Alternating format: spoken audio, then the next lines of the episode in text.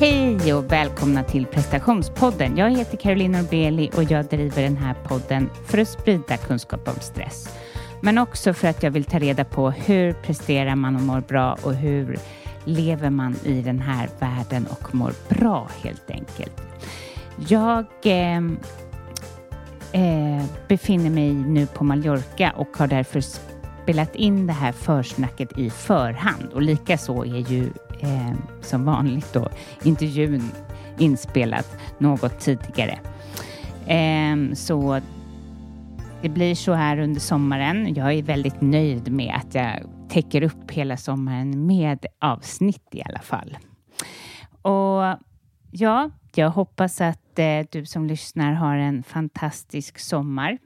Och ehm, till hösten så öppnar jag ju upp min coaching. Så är du intresserad av att gå hos mig som coach så gå in på carolinnorbeli.com och signa upp. Och är du även intresserad av att gå en kurs hos mig där man är tio stycken personer som eh, ses på Zoom där jag talar om stress och prestation och ni får övningar mellan gånger. Det är sex gånger eh, plus en gång eh, tillsammans enskilt med, med mig.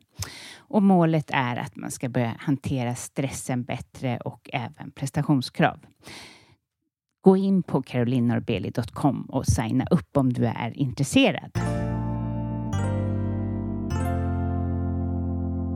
Ja, tidigare i våras så träffade jag en underbar kvinna som heter Linda Marie Olsson och hon eh, signade upp, eller vad man skulle säga, när jag la ut på in, mitt Instagram, Caroline Norbeli coaching och frågade om det var någon som ville berätta om sin utmattning. Och hon kommer med mycket kloka tankar och insikter och nya sätt att leva på som jag tycker är jätteviktigt att ta del av. Så lyssna till Linda Marie Olsson.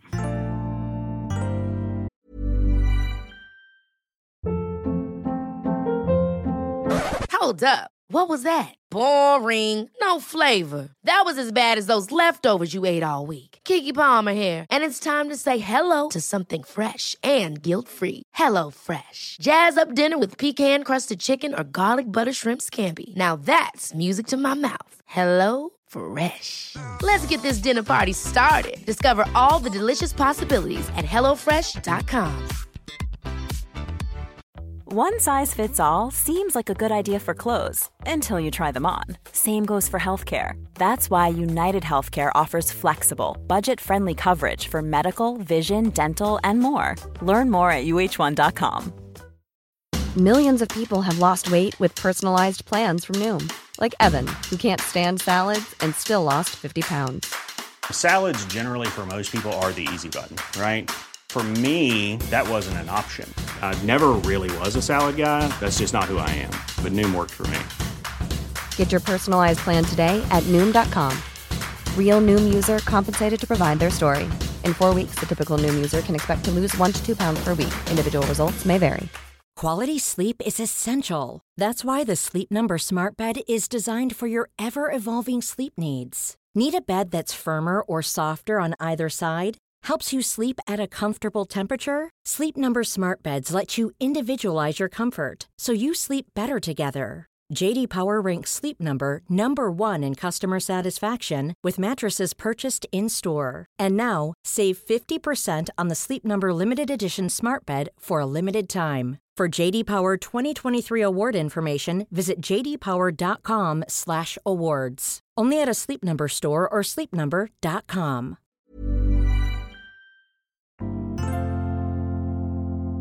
Hej och välkommen till prestationspodden, Linda Marie. Hej Caroline. Hej! Um, hur har din dag varit?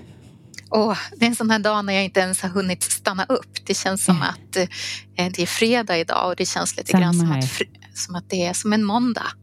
Eller hur? Ja, jag, är, jag har haft lite samma faktiskt, för jag brukar inte ha kunder på fredagar. Det, eller så ska det vara. Men så har det varit så, så att jag, jag känner också så där lite andan i halsen, om man säger så. Prestationspodden.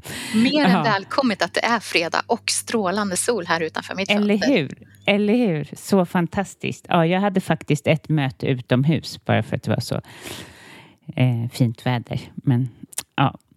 Men eh, berätta för lyssnarna, vem är du lite på det här ytliga planet? Ja, vem är jag? Ja, men jag ser mig som en 47-årig ung tjej fortfarande. Mm. Eh, eh, glad och positiv eh, till livet, tror på eh, att ha en, po en positiv eh, inställning och ett positivt förhållningssätt till det mesta vi möter oavsett om det är hinder och utmaningar eller möjligheter. Och jag är ju en sån här person som drivs av utveckling oavsett vad det handlar om. Åh, oh, vad härligt. Det gillar jag också. Ja. Vad gör, hur ser din vardag ut? Ja, min vardag. Eh, jag har familj, eh, två barn, gift med en man, eh, varit i samma relation i 27 år, lugnt, tryggt och stabilt. Eh, mina barn är vuxna numera, så väldigt mycket tid till mina egna intressen eh, utöver jobbet. Jag är en sån som gillar att vara aktiv på fritiden, har ett beroende av att vara ute i naturen året runt. Verkligen. Och ju kallare och desto regnigare, desto bättre trivs jag. Ja, oh, härligt. Men jag tycker att det är smärtsamt att vara inlåst som idag när det är så här fint väder. Det går helt emot min själ. Jag kan inte förstå hur alla kan vara så duktiga och sitta inne på kontor. Men, jag håller med. Jag håller ja. med. Det, det, är en bedrift. Jag har ställt fram mina, mina löparskor där nere. De är nya, det är därför jag har ställt ja. fram dem. För jag måste liksom gå förbi dem några gånger under dagen. Jag jobbar hemifrån idag. Liksom för att det ska bli en signal till hjärnan att det kommer någonting annat snart när arbetsdagen ja. är slut. Ja, gud vad bra. Samma här. Ja, men livet såg inte riktigt likadant ut eh, om vi backar bandet, berätta när det var för mycket stress i ditt liv. Mm. Jag tyckte nog inte själv att det var för mycket stress på något sätt, men jag kände att jag mådde dåligt. Eh, och jag tror att när man är i en situation när man bara försöker hålla ihop, alltså man på något vis har jag förstått i efterhand, jag tryckte undan mina känslor och egentligen hur jag mådde och, och körde på för jag såg inte att det fanns något annat alternativ. Eh, och jag var på ett arbete där jag eh, tyckte att jag trivdes, men jag fick inte riktigt användning av min fulla kapacitet. Eh, och kände väl också till sist att nej men, jag hör nog inte hemma här. Och fick möjlighet då att prova på ett annat jobb och sökte tjänstledigt från min ordinarie tjänst. Jag jobbade då som lärare. Eh, och när jag fick prova på ett annat jobb och hade varit där en kort period så började jag må dåligt. Ehm, jag började må dåligt på sånt sätt att en dag så kunde jag knappt gå eller stå. Ehm, och då förstod jag, jag har kronisk värk från en trafikolycka sedan jag var yngre. Så jag går omkring med, med en värk i kroppen hela tiden och för mig så är det som en slags en slags negativ stresstrigger som finns där hela tiden. Men jag har inte tyckt att den liksom har, har liksom påverkat mig särskilt mycket. Eh, men det visade sig då att jag hade fått ett akut diskbråck. Eh, och då, där och då så förstod ju inte jag att det var kopplat till något annat, men jag har ju förstått efteråt att hjärnan och kroppen hade sänt signaler till mig tidigare att det var något som inte var, var bra, att jag inte mådde bra, men jag hade inte lyssnat på det. Och då blev det den här vägen istället, att det satte sig i ryggen och gav så starka signaler att jag nästan inte kunde gå eller stå eh, på ett par dagar. Eh, men jag förstod sen när jag skulle skriva och hålla i en penna, när jag nästan inte kunde hålla i pennan. Jag kunde inte läsa, det var en blankett jag skulle fylla i. Jag kunde tekniskt läsa, men jag kunde inte förstå vad det var jag läste. Och när jag skulle skriva min namnteckning längst ner så visste jag inte riktigt hur jag skulle forma bokstäverna till, till mitt namn. Oj, oj, oj. Så att först var du med i en bilolycka och, eh, så att du skadade dig och sen efter några år, då skedde det här? Ja, det var i 20-årsåldern, så jag var ganska ung då. Det var varken liksom dramatiskt eller särskilt otäckt, men jag fick en skada i ryggen som är bestående. Men det är många som jag intervjuar och har träffat som pratar om små trauman som man inte tänker på att kroppen är med om. Eh, det kommer komma ett till, en till intervju med en kvinna som också var med om en bilolycka i New York där hon ja, det var inte någon större bilolycka men hur det satte spår sen. Eh, ja. Och jag har alltid tänkt också att, att det som är kopplat till ryggen och att jag har ständig verk i, i ryggen alltid. Jag har alltid tänkt att det ska inte få påverka mig eller ha för stor påverkan på mitt ja, förhållandevis aktiva liv. Och det Nej. kanske inte alltid har varit ett, ett sunt sätt att hantera det heller. Nej, jag förstår. Så sen, vad hände då när din kropp sa ifrån på det här sättet? Eh, ja, eh, eftersom att jag hade så otroligt akut ont och liksom det smärtade så i kroppen så var det väl att hantera det i första hand. Och det visade sig att, att det gick så långt så jag behövde operera min rygg. Och när jag fick göra det efter ett halvår, då under, den här, under det här halvåret tills operationen, då hade jag väl börjat jobba lite grann med att försöka förstå det som var mer utöver ryggen som gjorde att, att jag mådde på det här sättet. Efter operationen, när det liksom hade blivit hanterat, då kunde jag börja med att jobba med mig själv lite mer. Eh, och det var då jag förstod också lite grann vidden utav det här. Eh, den där dagen när jag knappt kunde gå eller stå, eh, det som kom från ryggen, det handlade egentligen om, om hela mig och hela jag. Men jag, jag kopplade till bara liksom kroppen. Mm. Så det var en otroligt tuff återgång som egentligen handlade om att bara vara den första tiden. Och hur var det för dig? Ja, eh, är man en person som jag som har en prestationsbaserad självkänsla, eh, är prestationsinriktad i mycket, ehm, så är det jättetufft. Eh, jag ville ju också i den situationen göra det på ett bra sätt. Jag ville göra rätt. Och då blev ju det kanske också till viss del med prestationsinriktade inslag. Mm. Eh, och, och, det är ju kanske ett sätt att motarbeta det hela. Eh, men jag tycker ändå att jag fick ganska bra hjälp på, på vägen. Eh, framförallt utifrån med hur jag skulle hantera det. Eh, jag drabbades ju också av, av återkommande panikångestattacker. Något som jag inte ens visste vad det var förut visste inte hur det kändes. Jag visste att det fanns ett ord men inte vad det betydde eller vad det kunde, kunde liksom, hur det kunde vara. Eh, och det var ju otroligt svårt att eh, förstå sig på varför det uppstod, när det skulle komma, i vilka situationer och vad jag kunde göra åt det. Jag förstår. Eh, hur, var det olika situationer som panikång... Oj, gud, jag får inte fram någonting här. Var det olika situationer som den här panikångesten kom i? Eller var det, inte, det var alltså inte kopplat till något? Nej, från början så tycker jag inte att det var det.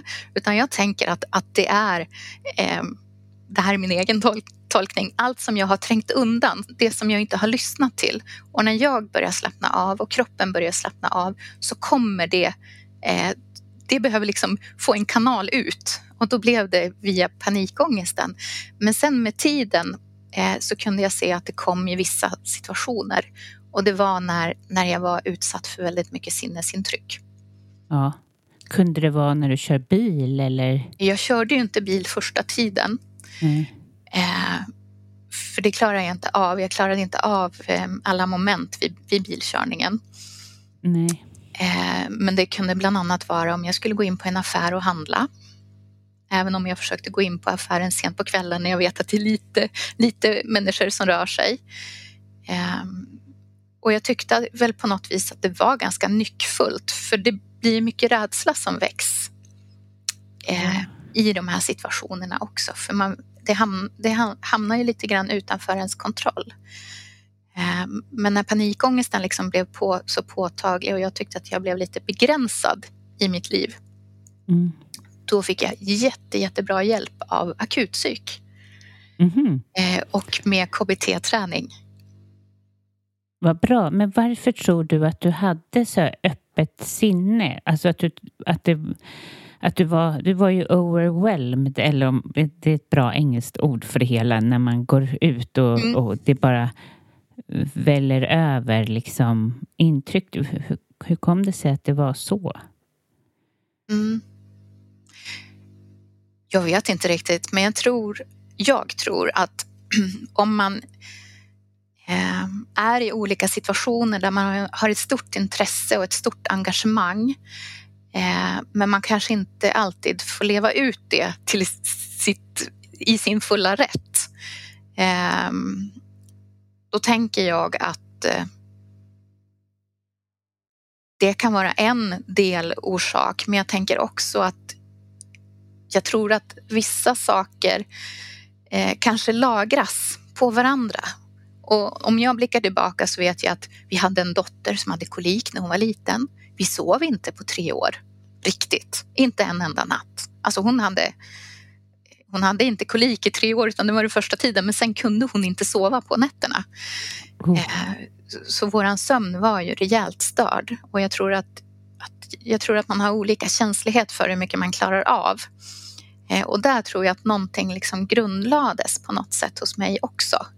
Att det fanns Ja. med och att det liksom också hade en påverkan eh, även efter ett par år. Jag förstår.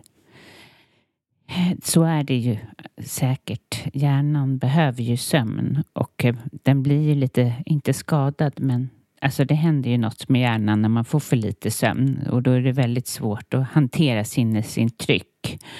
Men vad har det här... Du har ju varit med om extremt mycket med tanke med vad som hände med din kropp och så panikångesterna. Vad har det lärt dig? Ja, ja, det kanske låter lite överväldigande men, men det känns som att det har lärt mig eh, allt egentligen i livet. Eh, och allt, eh, vad menar jag med det då? Jag tänker att eh, när man hamnar i olika situationer där man inte vill vara så pratar vi ofta om acceptans. Och att det är ett sätt att hantera och förhålla sig till, till sin situation eller sitt läge.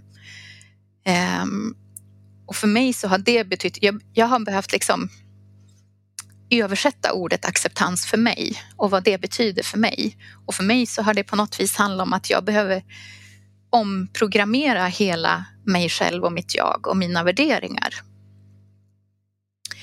Eh, och jag tänker att det är en process eh, som sker i små steg och det tar tid. Just det här att det finns en skillnad på vad jag behöver och vad jag vill. Eh, för min vilja är ganska stark när det gäller liksom vissa saker man vill ta sig för och, och liksom ha drivkraft för. Men det kanske inte alltid faller samman med vilka behov jag har. Så Nej. att inte, inte låta viljan styra för mycket över behovet utan alltid ställa mig frågan, behöver jag det här nu? Mm. Först. Ja, det är en bra fråga. Och det tror jag många som lyssnar känner igen sig, inklusive jag. Att man har ett starkt driv ehm, som vill mycket mer och ett ego som vill massa saker fast man, man kan bara... Man måste lära sig att lyssna på dens orken mer än på viljan. Ja. Mm, Ett sådant exempel är det här med vila. Alltså, jag har ju omgångar gått och fått olika samtalsstöd och samtalsterapi. Eh, och vid ett sådant tillfälle så pratade jag med den psykologen om att jag har svårt att liksom rättfärdiga vila. Vila för mig, det gör jag på natten när jag sover. Men då kom vi överens om att ja, men om, om jag kan se vila som en aktivitet kan jag liksom, känns det mjukare och bättre då att faktiskt kunna vila fast jag vill göra något annat. Eh, Ja. och, och det på något vis ändrade mitt, mitt synsätt. Det är väldigt bra att eh, alltså, inkludera vilan i din prestation. Det är det enda som kan hjälpa en prestationsknarkare. Ja. Eh, det var väldigt bra sagt. Det brukar det- jag ha med mig också. Där är ju jag idag också, just det här randiga livet. Energi in och energi ut. Och det mm. kan jag inte vänta med tills det blir helg eller tills det blir semester utan det, jag behöver lägga upp livet lite så. Hur länge var du utmattad? Hur länge var du sjukskriven? Um, vid första tillfället och den liksom, rehabiliteringsprocessen efteråt var relativt lång eftersom det också var, var um, Eh, en ryggverk och ett diskbråck som opererades. Eh, så jag var sjukskriven på heltid i, näst, i ett år innan jag försökte komma tillbaka till jobbet. Och sen med en successiv återgång och upptrappning så var jag tillbaka där någon gång 14-15.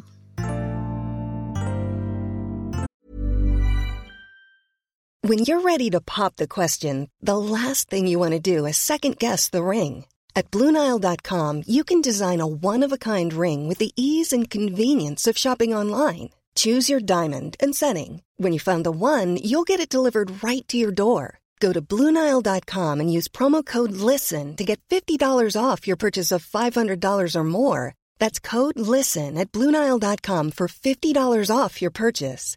Bluenile.com code LISTEN.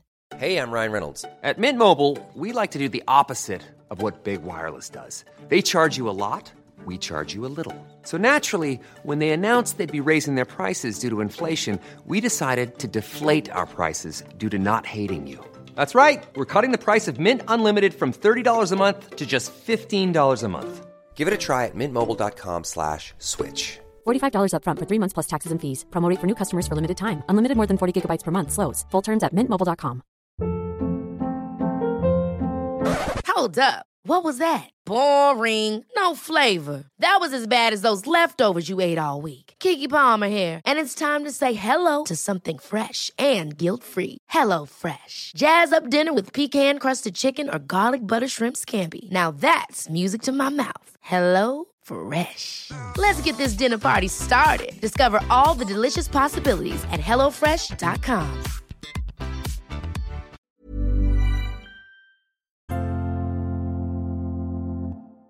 Något som du skrev till mig om var ju också hur påverkad familjen var. Att en utmattning drabbar ju inte bara eh, en person utan det är en hel fam familj. Berätta lite hur du tänker kring det. Mm. Jag tänker att när man är i det läget att man mår så dåligt så att man eh, man kan inte umgås med familjen på det sätt som man brukar. Man kanske inte orkar äta middag med dem. Man orkar inte hjälpa till, hjälpas åt att laga mat och sådär. Eh, det blir liksom ja, men en stor påverkan och en, en förändring. Det inskränker ju på väldigt mycket. Eh, och under tiden jag var dålig och som mest dålig så försökte jag ta varje dag för sig. Alltså jag tar en dag i taget. Jag vågade inte tänka längre. Ibland var det att jag tänkte att ja, men nu, nu tänker jag fram till lunch. Eh, för det, jag klarade inte av att planera längre heller och eh, jag hade ju liksom inte den orken. Eh, men jag vet innan, innan jag blev sjukskriven och hade förstått liksom hur dåligt jag mådde så vet jag vid ett tillfälle att jag sa till min man och jag, jag minns det så tydligt. Jag får det jag får bilden framför mig precis eh, var jag satt någonstans, var han satt någonstans och alla tårar som kom. Och, och det, jag minns, det var, det var lite grann att jag kan inte bara bära det här inom mig nu, jag måste liksom erkänna det för den som står mig, för, som står mig närmast, eller liksom i alla fall förmedla det vidare. Och det var att jag sa till honom att ska livet vara så här som det är för mig nu, då vill inte jag vara med längre. Det klarar mm. inte jag. Och hur jag blir fortfarande tog... rörd när jag tänker ja. på det idag. Eh, för det är så fruktansvärt att säga det till den som står en närmast. Verkligen. Att tänka det är ju någonting helt annat än att säga det. Ja, men verkligen. Men det blev också så starkt och tydligt att, att det finns så mycket trygghet i att inte vara ensam. Ja. Och få dela det med någon. Det betyder jättemycket och det ger mycket kraft, mycket liksom tillsammanskraft även om jag inte orkar, så blir det någon annan som ser att okej, okay, här behöver jag gå in och stötta ännu mer än vad jag kanske har förstått tidigare. Jag förstår. Eh, och vad blev det, eller vad man ska säga, fick du mycket stöd? Verkligen.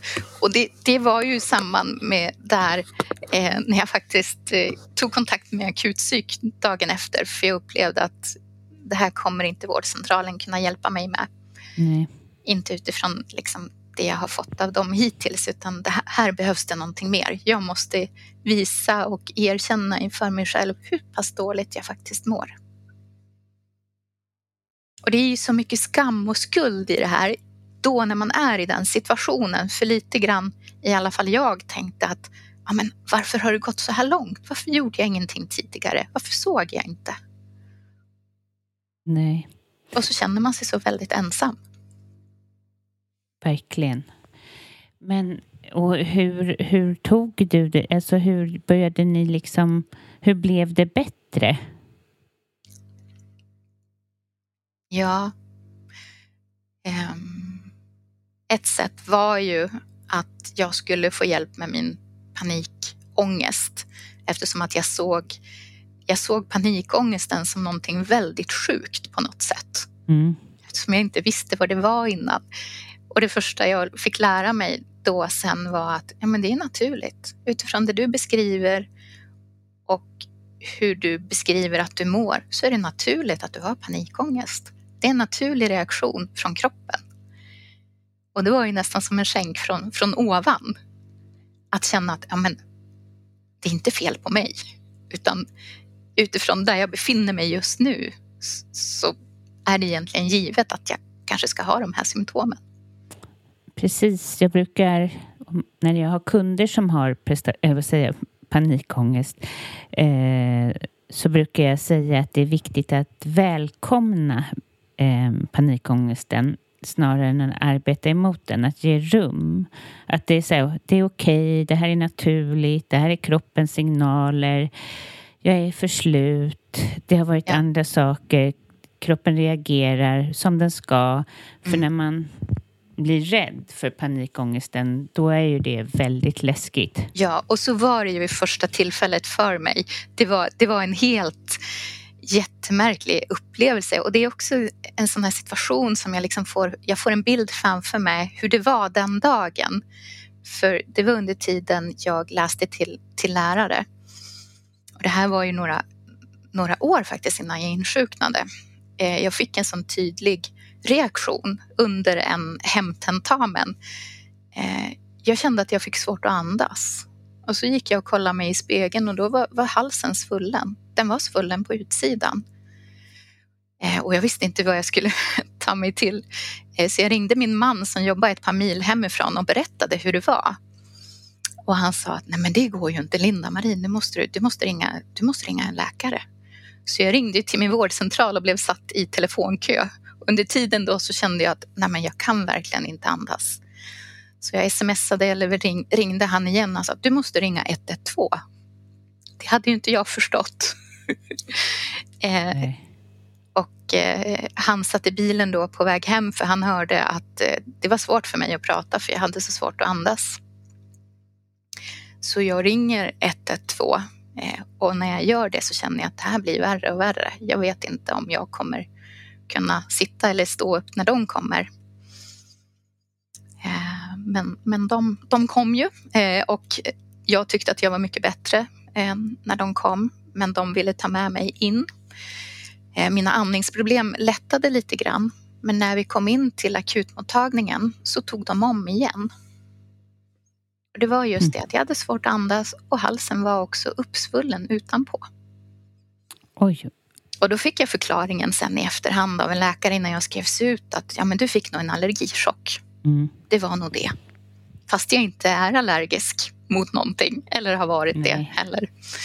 Så den slutsats jag själv drog eh, en tid efter det var att ja, men det måste ligga någonting kopplat till situationen, eh, skolarbete, tentamen, stress och press. Men det var en ohygglig upplevelse. Ja, jag förstår det. Usch, alltså. Det är ju, det, det är ju absolut kopplat till död när man inte kan andas. Så det måste ju vara panik, en panikkänsla. Men eh, när du eh, sen eller tror du också att det där också kom för att du var, ni har haft sämre nätter och att du var mer känslig? Mm, jag tror det. Och så hade jag hamnat i, i ett sammanhang när jag studerade som vuxen på lärarutbildningen i ett sammanhang där jag tyckte att jag på något vis, det här kunde jag. Det här var roligt och så brann jag lite för det. Jag hade, har aldrig tidigare stött på det, kanske i utbildningssammanhang eller utbildningssyfte, att jag har varit bra på något, utan jag tycker att jag har varit halvbra, medioker, medelmåtta. Men det här drevs jag verkligen av. jag hade ett stort engagemang. Mm. Eh, och jag ville, ville också leverera bra. Eh, och då tror jag att jag kanske blev lite fartblind i det. Där igen så var det kanske prestationsviljan. Men ja. nu när du har återgått till jobb och jag får en känsla av att, att du har lite kontroll över situationen, eller hur, hur är det nu? Ja, ja men jag har hyfsat bra kontroll. Alltså jag har ju fått på något vis, alltså det här, jag tänker mig vi alla gör olika lärresor i livet. Och det här, ja. det här är min på något sätt. Ja. Och det har gett mig möjlighet att på något vis utveckla en väldigt tydlig inre kompass. Utifrån vad behöver jag? Vad behöver jag inte? Och också att, att jag behöver vara medveten om att jag behöver vara snäll mot mig själv och ställa mig frågan emellanåt, vad skulle jag säga till min dotter eller en kompis i den här situationen att de skulle göra? Och mm. emellanåt ställa mig lite grann utanför mig själv. För att inte fortsätta i lite gamla spår. En bra sak som jag har pratat mycket om idag med mina kunder det är att inte vara mekanisk. Att bjuda in eh, människan. Därför är det så lätt att bli mekanisk nu. Alltså, vi går efter scheman, schematisk och mekanisk och vi bara stövlar på. Men ju mer man bjuder in saker i livet som, som väcker en ifrån det i form av att man tar pauser men också att liksom, om det är konst man gillar, att man bjuder in konst i sitt liv. Alltså börja måla eller jag vet inte, gå på konstutställningar. Att även sånt som tar ens tid kan ge väldigt mycket. Och att man, jag tror att det är många som lyssnar på den här podden som kanske lever efter att bara göra. Eh, och, eh, och mm, att bara säga lika viktigt som det är att eller jag har tjatat väldigt mycket om mindfulness och så, så tror jag att det är lika viktigt att göra det som verkligen ger näring till själen. Ja men verkligen. Och jag har märkt att jag har ett så stort behov numera att liksom känna mig levande. Eller känna liksom livet i mig. Eh, och för mig så handlar det om att vara i naturen, vara utomhus och röra mm. på mig i naturen. Eh, samtidigt som jag också behöver ha som en inre plats inom mig som jag kan återkomma till. Och där det är okej att, att vara oavsett vad jag har för dagsform. Eller hur? Ja. Men hur, eh, hur har, har du några fler lärdomar från vad som hände och hur, jag antar att det är många, och eh, hur tycker du att det har egentligen påverkat din relation, alltså i, i långa loppet? Mm. Det var två det, frågor. Ja, det var två frågor i en. Ja. Um, och det här med relation, det var det som fastnade för mig nu när du, när du ja. sa det. Att, att det stärker ju så otroligt mycket. Där och då så kan man, tycker jag, uppleva sig som att man är så skör och sårbar. Och det är man ju. Men man är ju det också kanske för att man vågar faktiskt tala om så här är det. Jag har ingen lösning. Jag vet inte när jag ska må bättre. Men så här är det nu. Och eh, jag behöver support i det framåt genom bara att den och de som är närmast finns där. Eh, precis, Nej, jag tänkte om det var några fler lärdomar som du känner att du har fått med dig av allt det som hänt. Mm. Ja. Ja, jag tror jag har nämnt det mesta, men jag tänker det här med ödmjukhet. Ödmjukhet inför livet och mig, mig själv. Ja. På något vis så har livet liksom fått fler nyanser för mig. Ehm, eftersom att jag på något vis har varit proffs på att trycka undan känslor och köra på. Så har jag förstått att nej, livet, det, det, finns, det finns mer där. Och jag har också behövt liksom lära mig på vägen att lita på mig själv. När man är mitt i, i prestationstunneln på något vis så är inte signalerna kanalerna inte öppna för signalerna och liksom den lyhördhet som kanske krävs. För jag har ju också fått höra att ja men Linda-Marie om du har om du är, mår så pass dåligt, varför tog du inte semester tidigare? Ja. Eh, och det önskar ju jag att jag hade kunnat gjort. Men Mm. jag visste ju inte där och då hur jag faktiskt mådde förrän det var för sent. Nej. Kroppen signalerar också väldigt mycket efteråt. Efter, Ja. ja. Ja. Men hur är din rygg idag? Eh, den eh, lever jag med att underhålla. jag är Mm. beroende av, av träning av olika slag. Eh, jag tränar regelbundet, det är min medicin. Den är ju bra för Det är ändå mycket. bra. Det är lyckopiller Det är jättebra. Ja. och yoga. ja. Eh, och så har jag eh, någonting jag och min man började nu med i och med corona, det är att vi har börjat vinterbada. Ja, det gjorde jag också. Ja, så Ja. varje lördag, året runt, Gud vad härligt. badar vi. Och det Mm. tycker jag är välgörande. Och det är Verkligen. tyck. Men det är ju också det här att känna livet i ens eh, vener eller vad man säger. Alltså det är, det är att bara känna sig levande mer än någon gång under hela veckan när man går och vinterbadar eller jag kan ibland också bada med bastu. Det är samma känsla. Ja, Ja. ja, ja, verkligen. Och sen har jag ju, jag menar ryggen, jag vet att den är viktig att underhålla för mig för att får jag för ont så inskränker det på så mycket annat. Mm. Eh, Men jag har ju också fortfarande liksom kognitiva restsymptom från min, min, mitt utmattningssyndrom som jag liksom tror att jag kanske får leva med. Och vad är det? Till mitt minne, Ja, bland det annat. de flesta säger.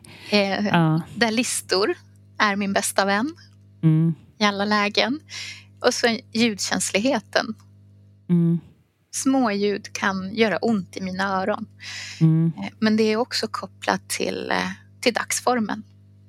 Mm. Hur jag har sovit, hur mycket intryck jag utsatts för och så. Ja, det är vanligt med minnet, men jag tror också det har med ålder att göra, eh, kan vi hoppas.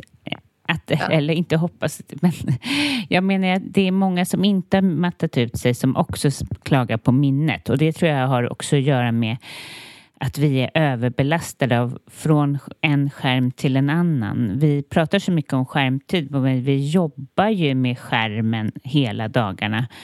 Så att, eh, och just att det med pandemin nu när vi inte har kunnat träffas så tror jag att det har påverkat vårt minne ganska mycket. Sitta och stirra på de här mötena.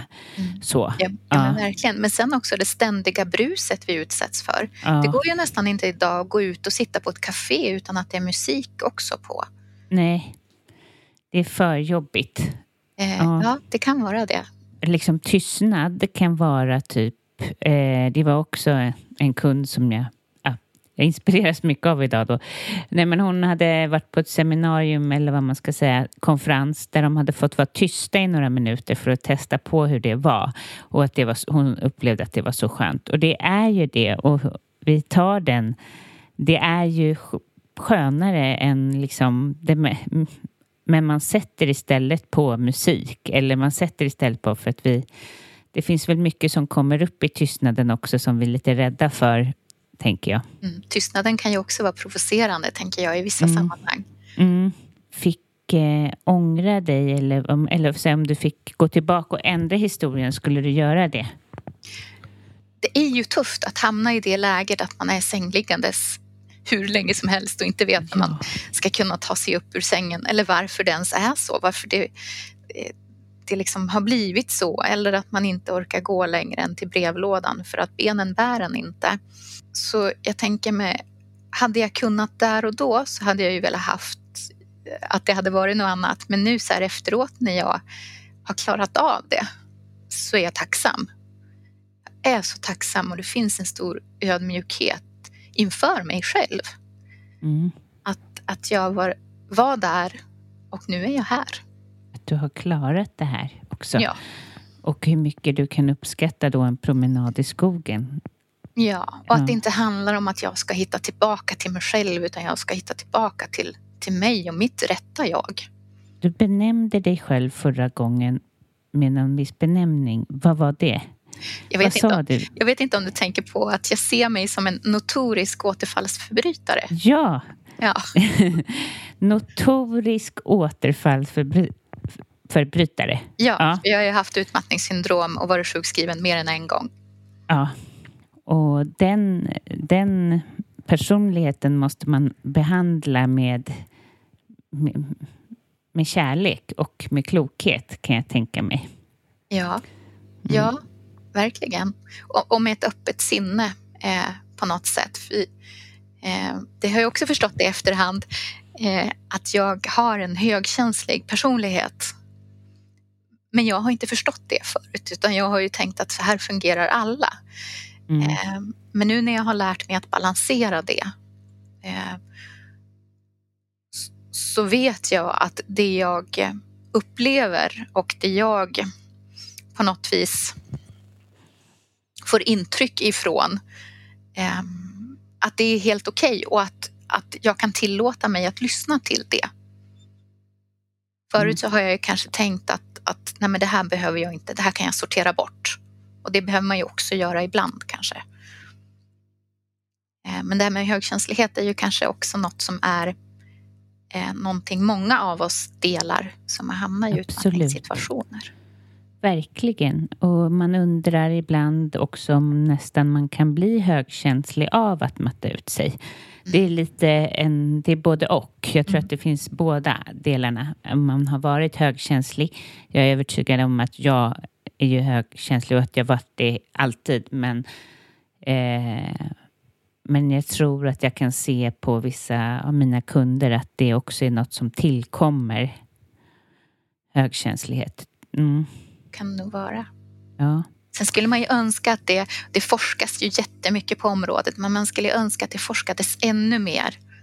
Ja, Eh, Och jag tänker med Sverige som land, vi är väl unika när det gäller, eh, när det gäller eh, diagnosen.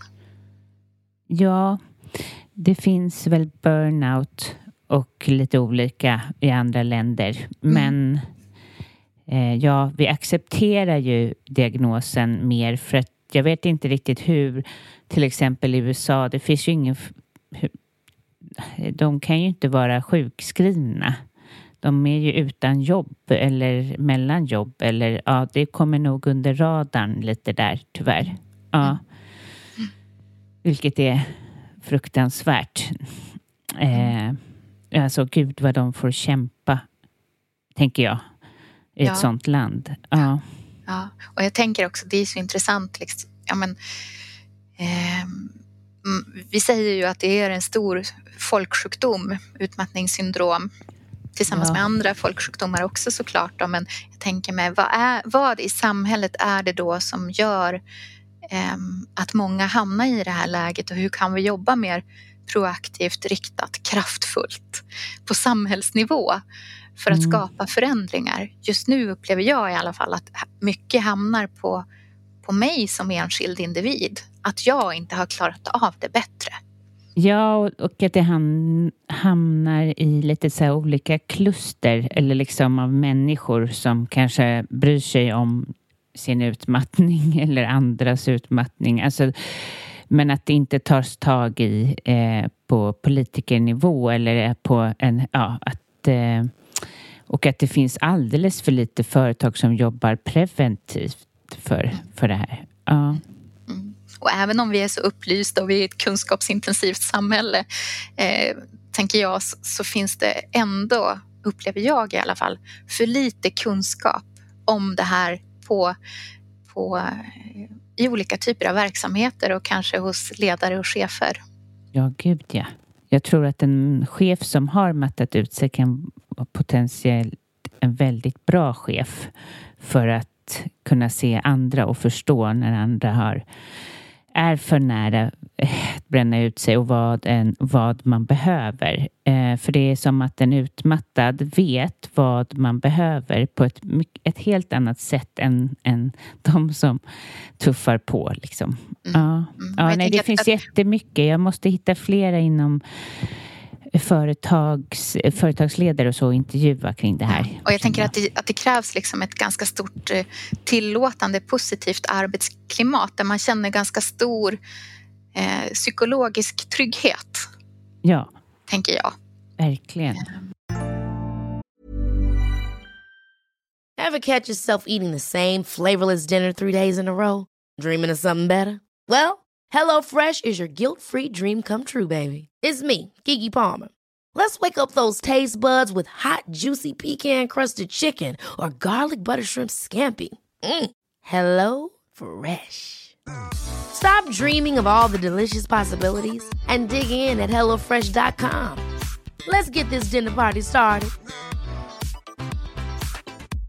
Imagine the softest sheets you've ever felt. Now imagine them getting even softer over time. That's what you'll feel with Bowl and Branch's organic cotton sheets. In a recent customer survey, 96% replied that Bowl and Branch sheets get softer with every wash. Start getting your best night's sleep in these sheets that get softer and softer for years to come. Try their sheets with a 30-night guarantee. Plus, get 15% off your first order at bowlandbranch.com. Code BUTTERY. Exclusions apply. See site for details.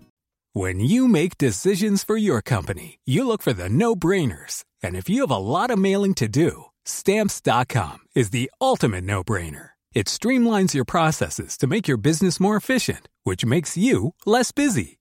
Mail checks, invoices, legal documents, and everything you need to keep your business running with stamps.com. Seamlessly connect with every major marketplace and shopping cart Schedule package pickups and see your cheapest and fastest shipping options from different carriers. With rates up to 89% off USPS and UPS rates. And with the Stamps.com mobile app, you can take care of mailing and shipping wherever you are. Make the same no brainer decision as over 1 million other businesses with Stamps.com. Sign up with Code PROGRAM for a four week trial, plus free postage and a free digital scale. No long term commitments or contracts. That's stamps.com. Code program.